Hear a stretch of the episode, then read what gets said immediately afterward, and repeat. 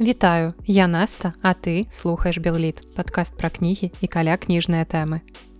І нядаўна я адчула дэфіцыт дэтэктыўнай літаратуры ў арганізме. Я ўвогуле вельмі люблю жанр дэтэктыву як у літаратуры, так і ў кінематографе і для мяне гэта пэўная зона камфорту. Куды я прыходжу, калі навокал усё становіцца надта неспакойна і туды можна збегчы. Так жа, напрыклад, людзі збягаюць у фантастычную літаратуру ў жанр фэнтэзі, а я часцей за ўсё акурат раблю гэта з дэтэктыўным жанрам.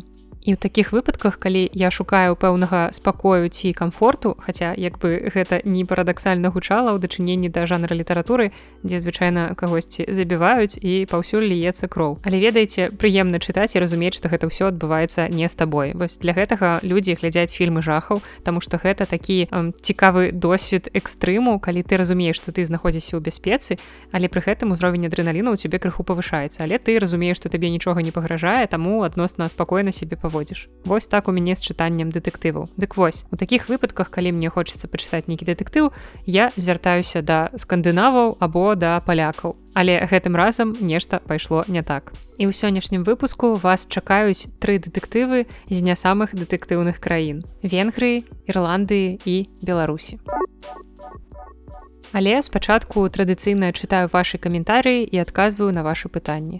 Неяк заўважыла што папярэдні выпуск з літнавінамі неяк аднолькава закрануў слухачоў сваёй спартыўнай часткай. Напрыклад я атрымала каментары ад івана ў кастбоксе што я разбіла яму сэрца на мільярд частак інфармацыя пра тое што я заўзею за манчестер юнайтед Ну што я магу сказаць? Не ўсё ж мне тут вас у падкасці радаваць. Давайте будзем разам вучыцца адчуваць увесь спектр эмоцый. Бо хтосьці можа цяпер наадварот ад гэтай інфармацыі пачаць слухаць падкасту два разы больш інтэнсіўна і пераслухоўваць кожныя выпускі па некалькі разоў. Так што як кажуць усім не дагадзіць але спадзяюся што гэта не сапсуе сапраўды агулам ваше ўражанне ад падкаста.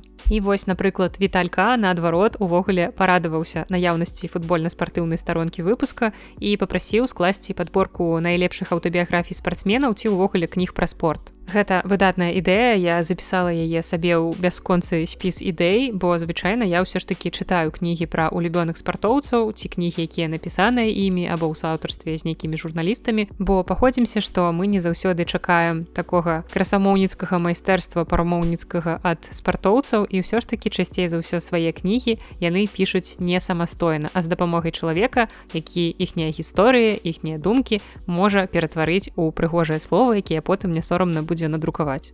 Зразумела, што і сярод спартоўцаў хапае людзей, якія сваімі гісторыямі могуць захапіць, могуць падаць гэтай гісторыі і з гумарам і неверагодна смешна і дасціпна, але ўсё ж такі пэўная літаратурная апрацоўка часцей за ўсё ім патрабуецца. Таму гэта нармальна, што кнігі нейкіх зорак не абавязкова спартоўцаў, гэта могуць быць кнігі музыкаў, акцёраў, што ўсе гэтыя кнігі пішуцца ў суаўтарстве з нейкім чалавекам, які вас дапамагае менавіта з гэтай літаратурнай часткай.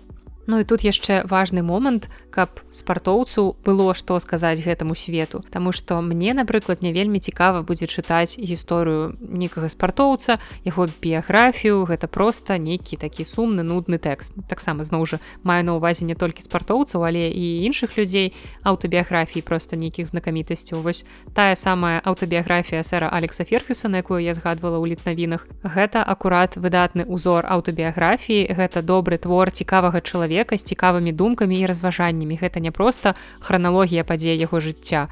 Зразумела што ў пэўнай ступені і храналогія там ёсць але ўсё ж такі за ёй адчуваецца асоба з яе светапоглядам з нейкімі асаблівасцямі псіхалагічнымі. І гэта чытаецца сапраўды цікава.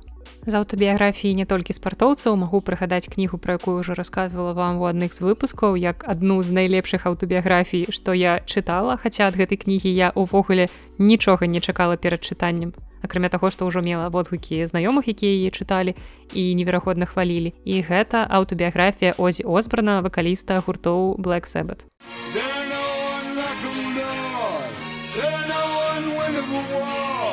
Вось гэта мабыць не толькі адна з найлепшых біяграфій але ўвогуле адна з найлепшых смешных кніг якія я чытала калі-небудзь у сваім жыцці. Чалавек які мае настолькі неверагодны досвед жыццёвы часам не вельмі прыемны часам не вельмі законны скажем так. Але пры гэтым чалавек мае неверагоднае пачуццё гумару і згадвае сваё жыццё. Увогуле незразумела як ён выжыў. Адзінае пытанне якое хвалявала мяне на працягу ўсёй кнігі чорт возьмі як ты выжыў Ну і таксама вельмі шмат добрага я чую у адрас агаты крысці яе аўтабіяграфіі і агата крысці непасрэдна звязаная з усім нашим наступным выпускам далей вы зразумееце якім чынам. Хаця ў прынцыпе я ж ужо сказала што гэта будзе выпуск пра дэтэктывы і куды як бы без агаты крысці.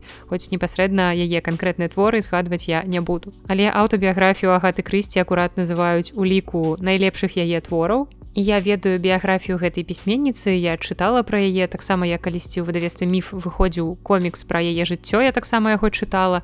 І цяпер мне засталося толькі прачытаць уласна яе аўтабіяграфію каб нарэшце ўсё ж з першых рук даведацца што ж там сапраўды адбывалася ў яе жыцці. Бо гэта асоба мне цікавая і як асоба ўласна і як пісьменніца як аўтарка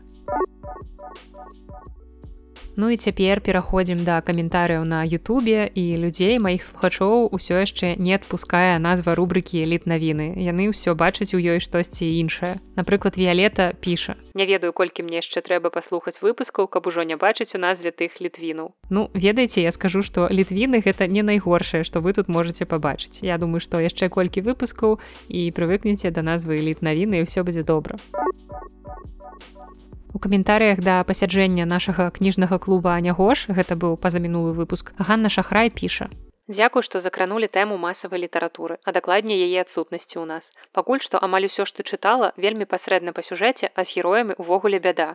Настолькі яны шаблонныя, кардонныя і нецікавыя адзінае што пакуль магу залічыць у нядрэнная янка далт фэнтэзі гэта кніга здольных святланы аўдзейчык А вы чыталі? Калі так подзяліцеся калі ласка ўражаннямі. Кнігу здольных я не чытала хоць ужо выйшла дзве часткі але ўсё ж таки увагу на гэтую кнігу звярнула таму што фэнтэзі у літаратуру у нас з'яўляецца не так часта як вы можете ведаць. І вось зноў жа праз гэтую амаль поўную адсутнасць у нас фэнтэзі літаратуры тым больш якаснай фэнтэзі літаратуры ты сябе кожны раз просто прымушаеш брацца за чарговую кнігу. Вось я заўважыла што ёсць гэты страх страх дарэмна патраціць час. Таму кнігу здольных я пастаянна адкладваю, знаходзяцца больш актуальныя кнігі, але ўсё ж такі мне падаецца, што варта было б прачытаць. Бо проста з такога нашага сучаснага фэнтэзі больш падлеткавага я чытала ключ дарог лілі ільюшынай і вось гэта было даволі слаба. Гэта крыху выглядала як такое школьнае сачыненне. Але ж я думаю, трэба ўсё ж такі спрабаваць шукаць далей, можа сапраўды там, дзе хаваюцца вялікія скарбы, таму кнігу здольных я абавязкова прачытаю і зразумела падзялю падзялюся з вами сваімі ўражаннямі Ну і раз ужо загаварыла пра фэнтэзі літаратуру хачу з вами якраз падзяліцца кніга якая сёння трапіла мне ў руки ну, сэнсе трапіла я купила. Называем рэч сваімі імёнамі пайшла і купила сабе кнігу кніжны блогер магу сабе дазволіць карацей трымаю ў руках кнігу і чую як на вуліцы хтосьці заводзіць свой матацыкл шчасця здароўя вам як кажуць нават шклопакеты не абараняюць мне падаецца на запісе будзе чуваць але наша свята літаратурная працягваецца карацей гэта кніжка якая выйшла ў 23 годзе выдавецтва мастацкая літаратура магу нават трошку такога кніжнага асмру пашапацець вам старонкамі тут даволі вялікі шрыфт таму што кніжка я так разумею дзіцячая ўсё ж такі зараз я нават разгарну гэта фантастычная аповесць яшчэ трошки смру Гэта кніга для дзяцей сярэдняга і старэйшага школьнага ўзросту. І я вам прачытаю анатацыю, невядомая хвароба знішчае толькі людзей і гэта кепскія весткі для дрыгвянова княства. Каб спыніць хваробу і не даць распачацца вайне, у курханнае княства ідуць сын млынара, знічка, дабрахожы, хіхітун і князён. За спіны яны пакідаюць смока, у палацы якога лютуе хвароба. Пасланцоў чакае сустрэча з ворагам і выпрабаванне палонам, хваробай і адчаем. Але калі кожны пераможа свае жахі, у абодвух княстваў ёсць надзея. І я не памятаю, ці сказала, як называецца гэтая кніжка гэта кніга Марыі шабанец пасланцы цмока планую у бліжэйшы час яе чытаць убачыла што з'явілася новая фантастычная тут хутчэй будзе фэнтэзі кніжка і вырашыла што трэба абвярхаць усё тое што мы казалі ў пазамінулым выпуску пра падкаста пра тое што беларусы не пішуць жанравую літаратуру. Пішуць просто ці якасна яна. Вось вось гэта і будзем правяраць з новай кніжкай Ну але гэта такое ўжо лірычнае адхіленне ўбачыла ў заплечніку гэтую кнігу і успомніла што яе сёння набыла. Ну і ведаеце кожны паважаючы сябе напрыклад нстаграм ці youtube кніжны блогер яны маюць такую рубрыку ў сябе ў блогу кніжныя пакупкі і чаму б не завесці такую рубрыку ў падкасці насамрэч не. На пастаяннай аснове рабіць гэта не планую таму што я не купляю кнігі зараз у такой вялікай колькасці Так што лепш я буду расказваць вам пра прачытанае а не пра тое што я купіла і пакуль не прачытала бо гэта збольшага часцей за ўсё амаль бессэнсоўна Але заканчваем такую дэгрэсію лірычнае адхіленне і працягваем звяртацца да вашых пытанняў і да таго ж па-за мінулага выпуска подкаста з нашым кніжным клубам кура на балоце піша каментарый на Ютубе Вітаю. Тут прагучала меркаванне што ў беларускай літаратуры няма магічнага рэалізму. Я лічу што творы бахарэвіча асабліва яго ператрусу музеі прадстаўнікі беларускага магічнага рэалізму. Ну гэта надта свежая кніга каб мы маглі яе ў тым падкасці аднесці да нейкага жанраў бо банальна мы яшчэ не паспелі гэту кнігу прачытаць. Так што пакуль для мяне ператрусу музеі бахарэвіча гэта як кот шродзінгера адначасова і магічны рэалізм і не магічны рэалізм бо насамрэч я не ведаю як там што ў гэтай кнізе. Але калі прачытаю вядома ж я збіраюся яе чытаць то тады я падзялюся сваімі меркаваннямі на гэты конт ці згодная наконт таго што гэта магічны рэалізм. Але прызнаюся шчыра гэта не самы мой улюбёны літаратурны жанр. Я не вельмі часта гэта чытаю а тое што я чытала пераважна вось лацінаамерыканскія аўтары я іх не вельмі люблю. Таго ж маркіса я невялікая фанатка. Так што магчыма магічны рэалізм на беларускай глебе з беларускім каларытам у выкананні бахарэвіча гэта будзе штосьці больш цікавае для мяне Ну і ад пытанняў пра адны жанры літаратуры мы плаўна пераходзім да іншага. У эфіры 89 выпуск подкаста белліт у якім мы з вами трошки паговорым пра крымінал. Забойствы у нас былі і ў мінулым выпуску з літ навінамі дзе я рассказывала пра пісьменніцу якая нібыта забіла свайго мужа а потым напісала кніжку пра тое як перажыць гора. Нібыта забіла бо гэта я не ведаю як там насамрэч што і пакуль што ніякіх звестак больш дакладных у мяне няма. Ўсё што я ведаю вы таксама чулі мінулым выпуску подкаста подкаста Ну а сёння мы пачнём з кнігі якую я дачытала літаральна пару дзён таму. Таму мае ўражанні ад яе самыя свежыя таму мне падаецца пра гэтую кнігу я буду расказваць больш чым пра дзве наступныя якія чытала ўжо даволі даўно. Але ўсё яшчэ сёлета. І недзе трошки больш за месяц таму вярнуўшыся з венгрыі я зразумела адразу ж пайшла ў бібліятэку. Канешне ж куды ж я могла яшчэ пайсці? І вось там у пушкінскай бібліятэцы на паліцах з новымі паступленнямі я заўважыла кнігу якая прывабіла мяне сваёй назвай. Зараз вы ўсё зразумееце кніга называлася будапешцкі нуар кніга ў арыгінале выйшла ў 2008 годзе. Таксама я зірнула на імя аўтара яго завуць вілмаш кондар таксама нармальная венгерскае імя тут ніякіх падвохаў. І я не скажу что венгерская літаратура так уже шырока прадстаўленая па-руску ці па-беларуску асабліва нейкая жанравая літаратура. Штосьці больш класічная там сёе тое ёсць і па-руску і па-беларуску. Па-беларуску гэта дарэчы пераважна паэтычныя творы. Таму убачыўшы такую кнігу я вельмі моцна здзівілася. Асабліва як вы разумееце такое супадзенне. Я вярнулася з горада пра які вядзецца гаворка ў гэтай кнізе. Але акурат вось у тое наведванне бібліятэкі у мяне ўжо быў план якія кнігі браць. Таму нуар будапешскі застаўся ляжаць да іншых нейкіх больш спрыяльных часоў.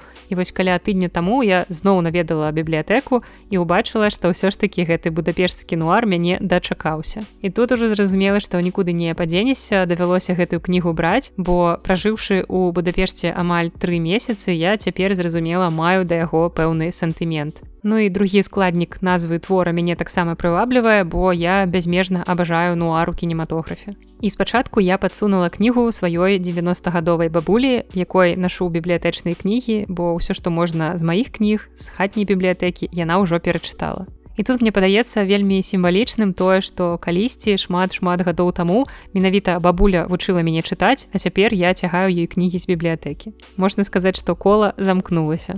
Бабуля праглынула нуар за два дні і першым яе пытанням да мяне, калі я спытала, як ёй кніга было, А что такое нуар? А то я чытаю кнігу а назву не разумею а там унутры нічога не тлумачыцца тут я бабулі правяла лікбез я патлумачыла ёй что такое нуар і атрымала ад бабулі водгук што кніга чытаецца вельмі лёгка і захапляльна А что такое нуар яна ўсё роўна ніколі не запомніць Ну і атрымаўшы такую станоўчую добрую рэцэнзію ад бабулі я пачала чытаць кнігу сама і тут гісторыя разгортваецца у атмасфернай венгрыі 30х гадоў мінулага стагоддзя. Твор пачынаецца смерцю венгерскага прэм'ер-міністра да кіраўніцтва якога былі пэўныя пытанні что гэта гэты чалавек меў пэўныя сувязі з фашысцкімі з нацысцкімі рэжымамі і хацеў падобны рэжым таксама усталяваць у сваёй краіне. Але вось памёр і не паспеў на шчасце жыхароў гэтай краіны. Галоўны герой рамана гэта жыхмант гордан. Ён рэпарцёр працуе ў газеце і там ён асвятляе абсалютна розныя пытанні і сацыяльныя і палітычныя але часцей за ўсё зразумела звяртаецца да крымінальных Але як часам ён паўтарае ў творы будапешт гэта не чыкага таму там асабліва не адбываецца нейкіх такіх гучных злачынстваў нейкіх перастрэлак таямнічых забойстваў. Усё як бы ў межах нормы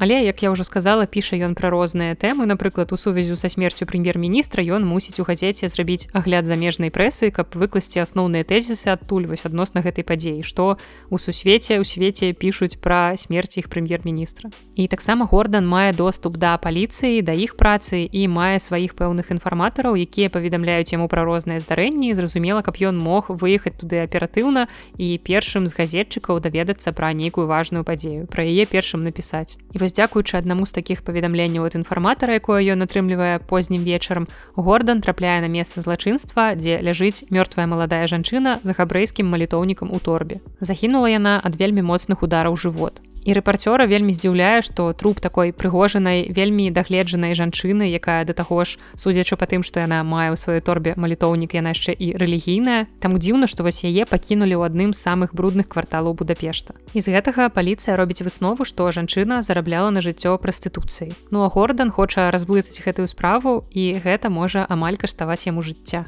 і ўзяцца за гэтую справу ён вырашыў менавіта таму што паліцыя нібыта на гэтую справу забіла таму што яны ўсе занятыя пахаваннем прэм'ера і для іх эта справа абсалютна звычайная. Ну ёсць прастытутка якую забілі. Ну здараецца такое часам бо нібыта прастытутка гэта не той чалавек наконт смерці якога ім варта клапаціцца. І гэтая кніга таксама перагукваецца з выпускам па-за мінулым у якім мы абмяркоўвалі раман пра засяленне Ізраілю таму што гэта раман ён пра тое як габрэям жылося ў Еўропе і што значыла быць габрэем у венгрыі ў 30 гады мінулага стагоддзя у такі вельмі неспакойны час як вы разумееце паміж войнамі сусветнымі. І акурат гэты палітычны складнік у кнізе вельмі цікавы таму што на працягу сваёй гісторыі венгрыя зведала вялікую колькасць акупацыі і для нас гэта вельмі знаёмая гісторыя краіны якая мусіць знаходзіцца паміж магутнымі дзяржавамі і пастаянна разрываецца гэтымі дзяржавамі на часткі. І ў творы вельмі моцна адчуваецца гэтая бездапаможнасць людзей калі ты не можаш уплываць на жыццё сваёй краіны. І гэтыя палітычныя інтрыгі ў творы яшчэ мацней адчуваюцца пасля смерці прэм'ер-міністра, за якой пойдзе зразумела новы падзел улады. І тут яшчэ вось як я кажу гэты сусвет, які стаіць на парозе другой сусветнай вайны і таксама заўважыла ў кнізе такую асаблівасць якая для мяне была велізарным плюсам. Але я разумею што для патэнцыйных чытачоў гэтая асаблівасць стане перашкодай. І гэтая асаблівасць заключаецца ў тым што ў кнізе вельмі шмат будапешта. Чаму для мяне гэта плюс? Зразумела што я закахалася ў гэты горад я штодзённа хадзіла вуліцамі гэтага горада атрымлівала асалоду і аўтар вельмі вельмі падрабязна водзіць нас маршрутам галоўнага героя. Амаль на кожнай старонцы ты сустракаеш все новыя і новыя тапонімы і я нібыта на свае вулі вочы бачыла як рэпарцёр выходзіць з трамвая на праспекце ракоцы як ён ідзе ў рэдакцыю газеты на плошчы луізы блахі. Вось акурат недалёка там я жыла таму я бачыла гэты маршрут амаль штодзённа. Але бяда ў тым што для людзей якія не былі ў будапешце для іх гэта будзе просто наборам нейкіх рандомных назваў ці нават калі вы былі ў будапешце просто як турыст літаральна некалькі дзён таксама наўрад ці вы ўсё гэта запомнілі і вось гэтых рандомных назваў вуліц нейкіх праспектаў плошчаў іх сапраўды даволі шмат. І для таких простых чытачоў для іх твор чытаецца прыкладна так. Потым герой пайшоў по гэтай вуліцы перасек гэтую вуліцу пайшоў по гэтым праспекце павярнуў гэты завулак і сеў гэтую кавярню. І так амаль на кожнай старонцы Так што пасля чытання гэтай кнігі вы дакладна вывучыце усе трамвайныя лініі горада. І на жаль гэта не тая такая чароўная кніга дзе горад становіцца самастойным паўтавартасным персонажам кнігі. Не будапеш тут просто фон а для тых хто не быў будапешце назвы вуліц гэта просто бессэнсоўны пералік Ну і насамрэч творам я трошки расчараваная. Гэта мог бы быць такі цікавы атмасферны роман пра будапешт канца 30х гадоў. У ім магла быць цікавая завязка бо сапраўды тэма якая інтрыгуе. Але аўтар просто пераказвае падзеі гэтага твора без нейкага саспенсу без напружання без кульмінацыі ў разгадцы таямніцы. І таксама персонажы тут маглі быць даволі цікавыя але аўтар просто нібыта пазначае што вось ёсць такія персонажы нібыта гэта чарнавік такія накіды без глыбіні аналізу без псіхалагізму. І нават галоўны герой перад намі раскрываецца не вельмі глыбока. Ну і тут такія даволі простыя я б нават сказала прымітыўныя дыялогі і няма дэтэктыўнага расследавання як такога бо галоўны герой які нават не дэтэктыў ён просто рэпарцёр ён заўсёды аказваецца ў патрэбным месцы ў патрэбны час і ўсе раптам открываюцца яму і ўсе з ім гавораць і ну трошачку гэта выглядае ўсё як дэус экс-махіна Але разам з тым я выдатна разумею, чаму моя бабуля не магла адарвацца ад гэтай кнігі. Твор сапраўды лёгкі, ён вельмі хутка чытаецца, але для мяне акурат тое, што было плюсам для маёй бабулі, для мяне стала мінусам, бо я чытала нашмат больш моцныя дэтэктывы. І ў гэтым жанры ў мяне ўжо даволі высокія патрабаванні. Так што больш за ўсё астатняе мне спадабалася менавіта атмасфера гэтай кнігі. І я разумею, што калі б падзеі гэтага рамана адбываліся ў нейкім не ведаю бухарэсце у захрыбе у гарадах, дзе я не была, да якіх я не не маю ніякіх сантыментаў то кніга увогуле прайшла б міма мяне можа быть я нават яе не дачытала Таму мне падаецца што у аўтара лепш атрымалася б пісаць якім-небудзь палітычным ці гістарычным жанры. Але ну гэтая кніга яна нядрэнная просто яна не вельмі добрая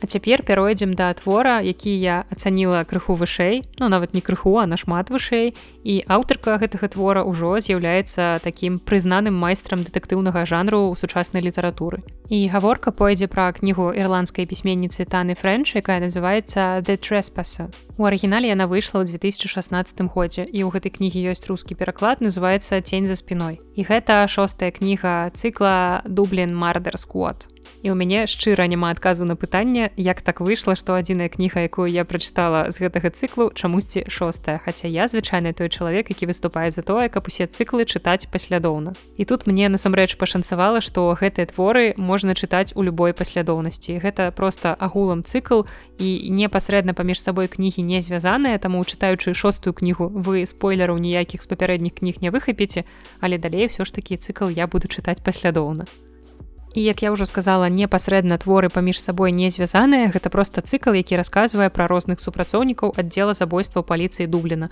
Кожны раз у нас галоўныя героі гэта новыя дэтэктывы і ў гэтай кнізе галоўнымі героямі становіцца дэтэктыў антуанета конвей і яе напарнік стывен моран. Працаваць антуанеце даволі няпроста таму што на працы яна пастаянна сутыкаецца з пытаннямі расізму і сексізму так што праца гэта не найлепшая частка яе жыцця. Але ўсё ж такі сваю працу яна спрабуе рабіць рабіць максімальна якасна. І калі яна атрымлівае новую справу, то спачатку думае, што гэта чарговая банальная сварка закаханых. У нас ёсць кватэра, у якой знойдзена забітая прыгожая ідальная бландзінка, у яе кватэры накрыты стол для рамантычнай вячэры і зразумела, першае, што прыходзіць у галаву, гэта тое, што яна чакала нейкага мужчыну і выніку гэта мужчына яе забіў. У яе з'явіўся новы хлопец, з якім якраз было запланавана спатканне, але насамрэч аказваецца, што справа нашмат глыбей. І вось гэта ўжо нармальны традыцыйны дэтэктыў, дзе мы бачым усе асаблівасці работы паліцыі. Мы збіраем доказы і апытваем падазраваных. адбываецца такое класічнае расследаванне, бо галоўны герой у гэтым творы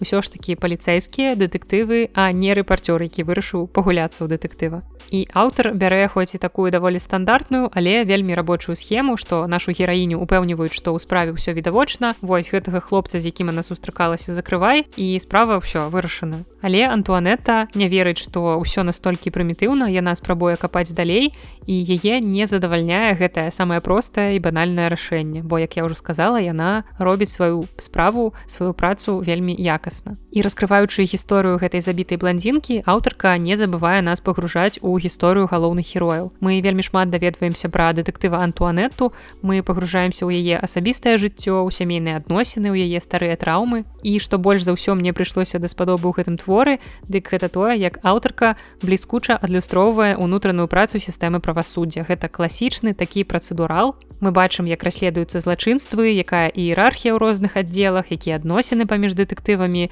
паміж інфарматарамі паміж прэсай карацей паміж усімі удзельнікамі гэтага працэсу.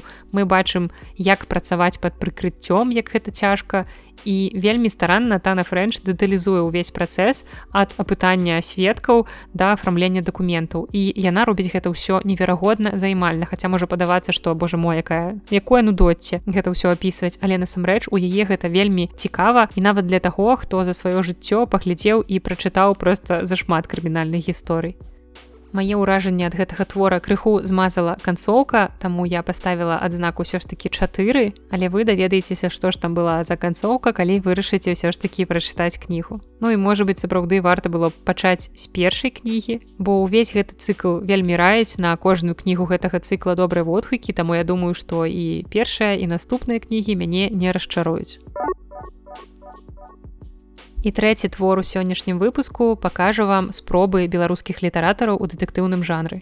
Наступны аўтар з творчай літаратурнай сям'і, але на жаль, ён не самы вядомы прадстаўнік гэтай сям'і, бо мае знакамітага брата Адама Глобаса і знакамітага бацьку класіка беларускай літаратуры Вячаслава Адамчыка. І гаворка сёння пойдзе пра дэтэктыўную аповесць Міраслава Адамчыка забойства на каляды, якую я чытала ў зборніку карона, які выйшаў у 2008 годзе ў выдавестве сучасны літаратар. Мы акурат у пазамінулым выпуску з настай і сярожам абмяркоўвалі, чаму беларусы не пішуць дэтэктывы і ўвогуле жанравую літаратуру дык вось цяпер раскажу што часам усё ж такі яны яе пішуць. Забойства на каляды гэта аповесць падзей якой разгортваюцца ў калядныя дні 1936 года под друскенікамі якія цяпер у складзе літвы як вы ведаеце. Гэта горад друскінінкай але калісьці яны былі часткай гарадзенскага павету гэта частка гістарычнай гродзеншчыны. І дарэчы у гэтым жа годзе ў 36 таксама адбываюцца і падзеі першага рамана выпуска будапешскі нуар вось бачыце у нас выпадкова ўсё трошки закальцавалася гэта аповесць упершыню была надрукаваная ў 1990 годзе ў часопісе крыніца а пазней яна дала назву кнізе адамчыка якая выйшла ў 94 годзе.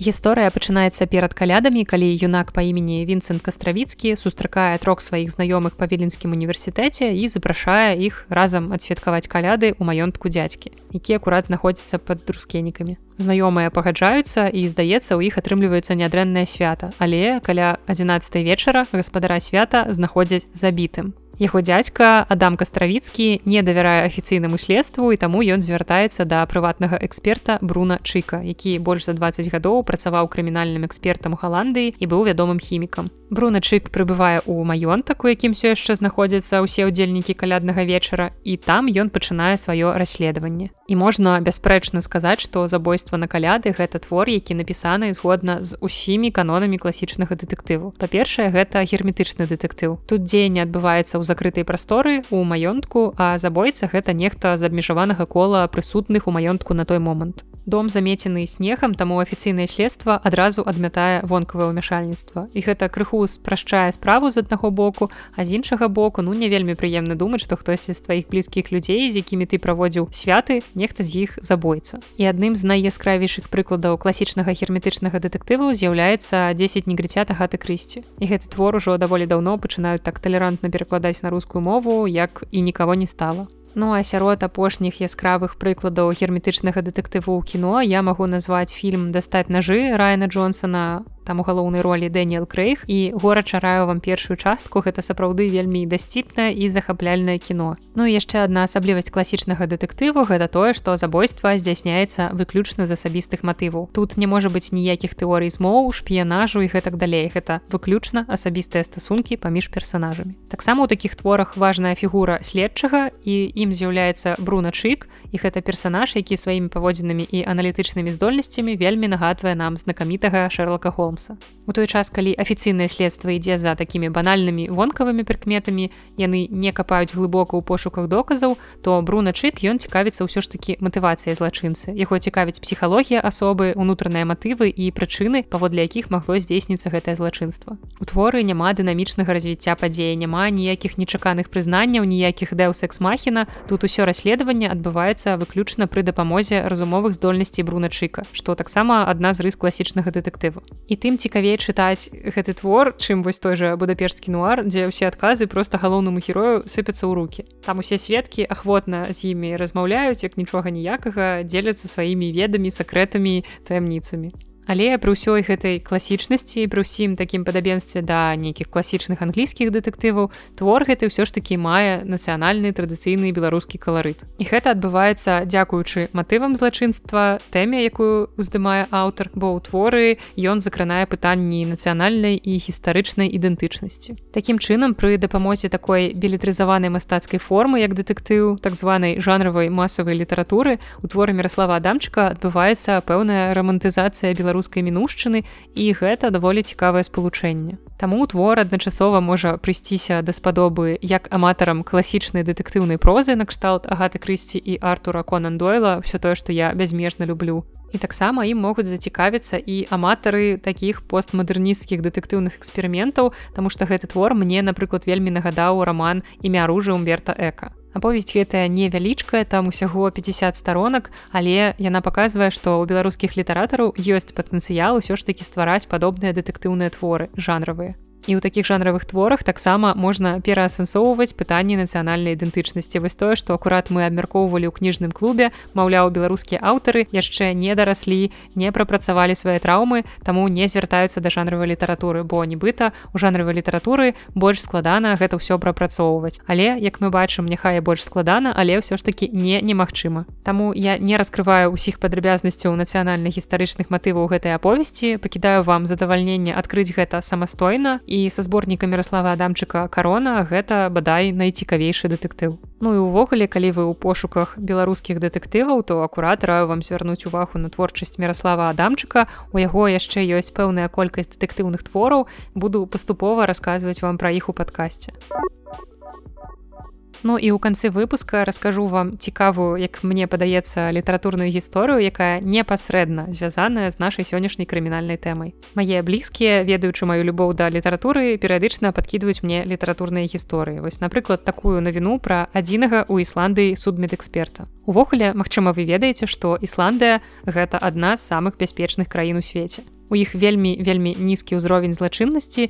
І улічваючы адносна невялікую колькасць насельніцтва гэта недзе каля 370 тысяч чалавек. Ёсць верагоднасць што калі вы здзейсніце ўсё ж такі злачынства то напэўна вы будетеце неяк звязаныя з тым чалавекам у дачыненні да якога гэта зрабілі. Напрыклад там ваши бацькі гэта сябры дзяцінства. Ну як бы вы разумееце што атрымліваецца неяк няёмка і ўзровень забойства ў ісландыі складае ад нуля да аднаго з паловай у год. І з такой невялікай колькасцю гвалтоўных злачынстваў кожны інцыдэнт будзе вельмі шырока асвятляцца ў навінах Таму што гэта для іх штосьці надзвычайнае і проста цэлую вечнасць будуць гэта абмяркоўваць. Таму вельмі лёгка у Ісландыі стаць паспяховым медыйным забойцам бо канкурэнцыя там даволі малая. Але толькі не кажыце потым што гэта я вам дала такую геніяльную ідэю як вельмі лёгка праславіцца ў Ісландыі Ну а ісландская паліцыя ўвогуле звычайна ходзіць нават без зброі а напрыклад прэзідэнт ісландыі нават не карыстаецца паслугамі аховы. І вы разумееце што ў такім выпадку для мяне застаецца загадкай як пры ўсім гэтым такая краіна здолела ўзгадаваць такую колькасць аўтараў даволі крывавых і страшных дэтэктываў. Хіба што для ісландцаў літаратура акурат стала такім спосабам сублімацыі.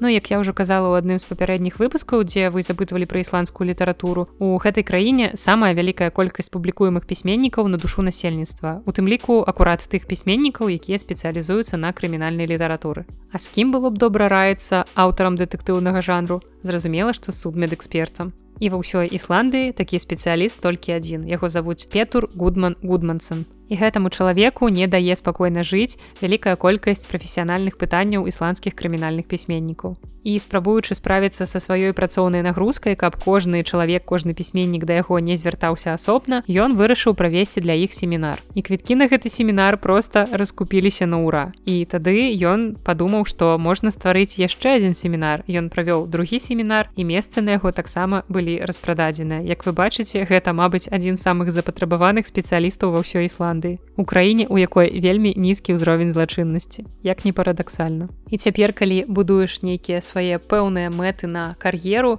то можна гаварыць сабе, што хачу быць настолькі папулярным і запатрабаваным як адзіны судмедэксперт у Ісландыі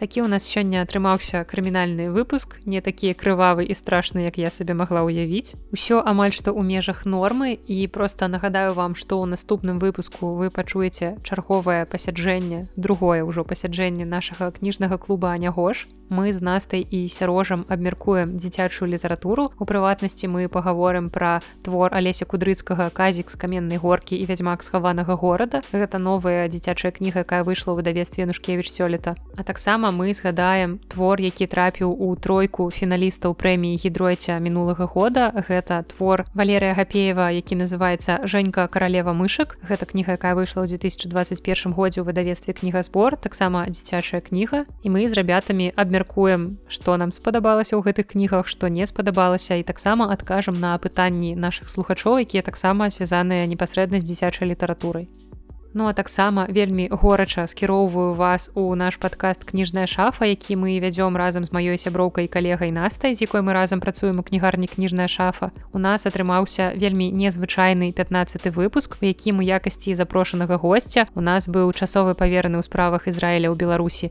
цві міркін, з якім мы абмеркавалі ізраільскую літаратуру, увогуле пагаварылі пра тое, як чытаюць дыпламаты, у чым ён бачыць важнасць сваёй дыпламатычнай місіі ў Беларусі. І што самае важное важнае гэты падкаст адбываўся цалкам на беларускай мове. Вы пачуеце як чалавек які знаходзіцца ў беларусі ўжо каля года як ён паспеў за гэты час вывучыць беларускую мову і як упэўнена ён на ёй размаўляе. Таму як бачыце лета у нас сапраўды гарачая шмат цікавых выпускаў таксама на наступным тыдні вас чакае яшчэ адзін ужо звычайны класічны выпуск подкаста кніжная шафа Таму слухаць ёсць што. Як звычайна наадварот у падкастах летам адбываецца пэўнае зацішша таму што ўсе адпачываюць. Ну а нам няма калі адпачываць. Мы працуем для вас так сказаць сказала сама заплакала што магчыма хтосьці зараз мяне слухае на пляжы а я тут сяджу і записываю гэты падкаст. Ну яшчэ нагадаю што ўжо праз 10 выпускаў вас чакае соты юбілейны выпуск гэтага падкаста. Мне самой страшна што я гэта кажу у голас Але гэты соты выпуск я хачу прысвяціць адказам на ваши самыя разнастайныя пытанні, Таму можете дасылаць мне іх або ў Google формы спасылка ў апісанні да выпуску, або на электронную пошту биліт пост сабака gmail.com таксама наесць у апісанні да выпуску, або пакідаць у каментарыях под выпускам на кастбоксе або на Ютубе. Гэта дзве, мабыць, самыя распаўсюджаныя пляцоўкі, на якіх зручна пакідаць каментарыі, на якіх я магу аперадыўна вам на іх адказваць, Таму звяртайцеся калі ласка і туды. Ну а на сёння гэта ўсё з вами была Наста і падкаст Белліт. Да сустрэчы.